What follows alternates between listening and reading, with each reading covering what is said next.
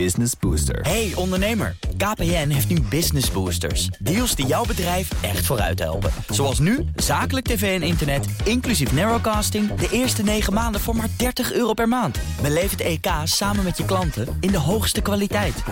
Kijk op kpn.com slash businessbooster. Business Booster. The Daily Move. BNR Nieuwsradio. Kees Dorrestein en Liesbeth Staats. Het kabinet rommelt maar wat aan. Het effect van al die vrijheidsbeperkende maatregelen is onduidelijk. En ze waren te stellig en hardleers. Nou, dat is maar een kleine greep uit de reacties van de oppositie in de Tweede Kamer op het rapport van de Onderzoeksraad voor Veiligheid naar het coronabeleid van Rutte 3, het vorige kabinet dus. En daarin schrijft de onderzoeksraad dat de effecten van de coronamaatregelen nauwelijks gemonitord of geëvalueerd zijn. In onze studio in Den Haag staan Fleur Agema, corona-woordvoerder voor de PVV, en politiek verslaggever Leonard Beekman. Goedemiddag allebei. Goedemiddag. Hallo. Ja, mevrouw Agema, wat is voor u nou de belangrijkste conclusie uit dat rapport? Ja, eigenlijk wat u ook al zei, dat er nog altijd te weinig bekend is over de effecten van ingrijpende vrijheidsbeperkende maatregelen, zoals die mondkapjesplicht en die avondklok. En dat ze dat vooraf onvoldoende wisten, maar ook tijdens en achteraf ook onvoldoende hebben geëvalueerd. En dat vind ik, uh, vind ik eigenlijk wel ernstig voor zulke vergaande vrijheidsbeperkende maatregelen. Ja, en laten we daar zo nog even over doorgaan. Leendert, kun jij voor ons uh, een beetje samenvatten wat zijn nou de belangrijkste conclusies? Zeker, dat kan ik doen. Het gaat over de periode september 2020 tot juli 2021. Nou, we hoorden net al dat er niet goed onderzocht is, gemonitord en geëvalueerd of de maatregelen eigenlijk wel werken. En ook of ze effectief zijn geweest. Mondkapje, avondklok, sluiting van scholen. Ik sprak hier zojuist over met Erika Bakkum van het OVV. Wij vinden het een gemiste kans, uh, want de data en de gegevens zijn niet verzameld en er is niet op gereflecteerd. Er zijn wel gegevens, ook in het buitenland, en het is ook mogelijk om terug te kijken. Maar ook met het mogelijk aankomen van een nieuwe golf eergisteren beginnen met monitoren, evalueren, data verzamelen. Om daarom zoveel mogelijk kennis bij elkaar te vergaren. Om betere besluiten te nemen. En ook nog kritiek op de vaccinatiestrategie, de voorbereiding, de keuze tot de doelgroep waarmee te beginnen met vaccineren en de communicatie. Daar is heel stellig gecommuniceerd. Dat is ook een aanvullende aanbeveling. Uh, niet realistische verwachtingen, hou die zo ver mogelijk weg. Communiceer over duidelijkheid, over onzekerheid, maar niet realistische verwachtingen, hou die buiten de communicatie. Dat zie je ook bij de avondklok. In eerste instantie zou die na drie weken worden opgegeven. En uiteindelijk is de laatste maatregel, na drie maanden, die wordt beëindigd.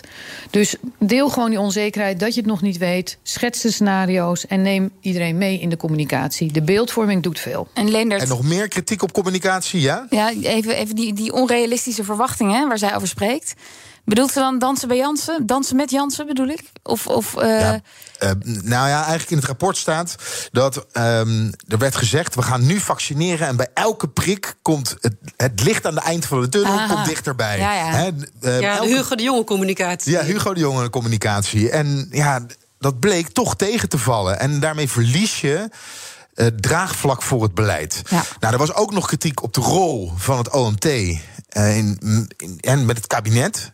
Die zaten in het katshuis.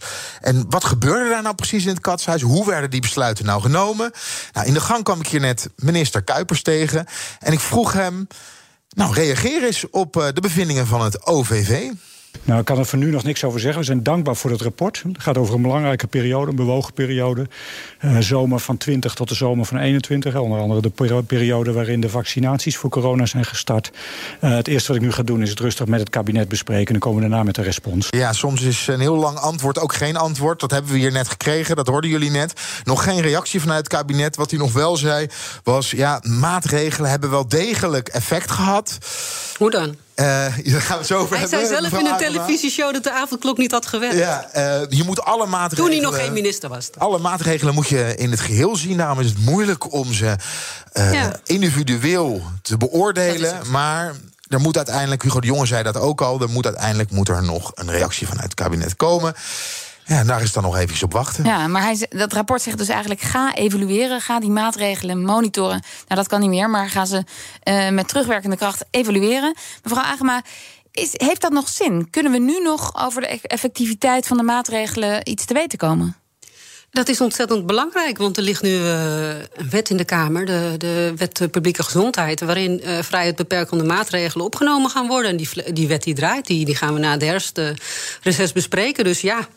Uh, je kan natuurlijk nooit uh, maatregelen waarvan je niet eens weet of het werkt, de vrijheid beperkende maatregelen, in een wet gaan gieten en vervolgens denken dat die Tweede Kamer daar wel voorstemt. Ja, maar, maar, maar nog even terug naar de maatregelen van toen, hè, over de periode waarover dit rapport spreekt.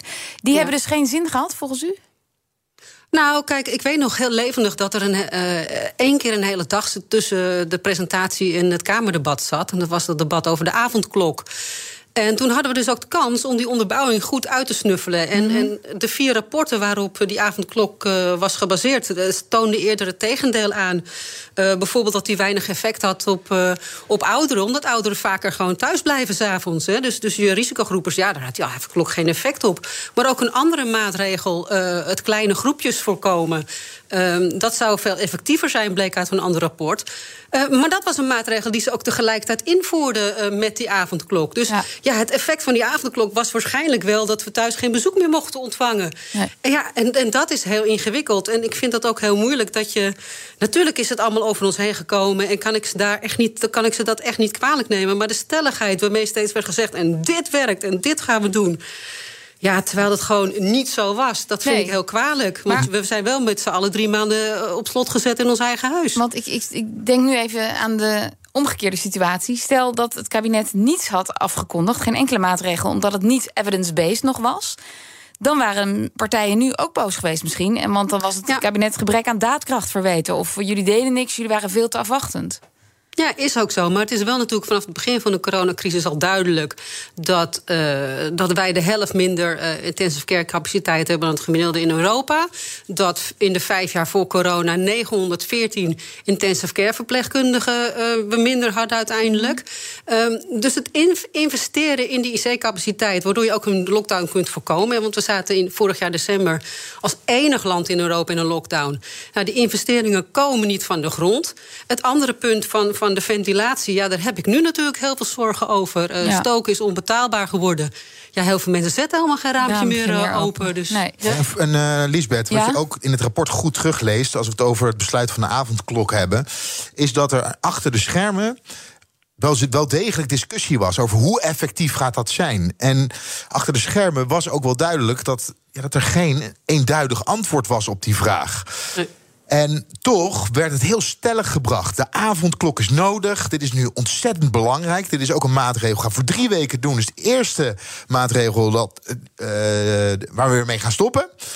Dat bleek niet het geval. En er kwam ook heel veel discussie over de ja. avondklok. Ondanks dat die goed uitvoerbaar was, bijvoorbeeld voor de, handhavers, de politie, kwam er heel veel discussie kwam er, uh, over op gang. Het OVV ja. zegt dat had niet zo gemoeten, want je verliest draagvlak voor maatregelen, ook voor andere maatregelen. Ja. En wat ook wel was, als je dit rapport leest dan komen al die discussies die komen weer terug. Ja. Het is bijna alsof je. Ja, ik denk ook aan de avondklok-rellen. Ja, hoe handhaafbaar was die nou als je in de licht van de avondklok rellen? Ja, en al die discussies die we, daar waarschuwt het OVV ook voor. Al die discussies die we allemaal in tijden van corona gevoerd hebben. Van heeft zo'n schoolsluiting wel zin? Doen ze het wel voor de kinderen? Of gebeurt het eigenlijk omdat ze minder bewegingen in de samenleving, dus van ouders willen hebben? Ja, al die discussies komen weer bij je terug. En het is echt alsof je het weer herbeleeft zit gewoon geen lijn in. En dat is heel erg uh, verdrietig. Ook voor al die mensen die het netjes hebben gedaan. Nee, maar mevrouw... Ja, dus niet de, de, Sorry. Mevrouw Agema, eh, want in het rapport wordt vooral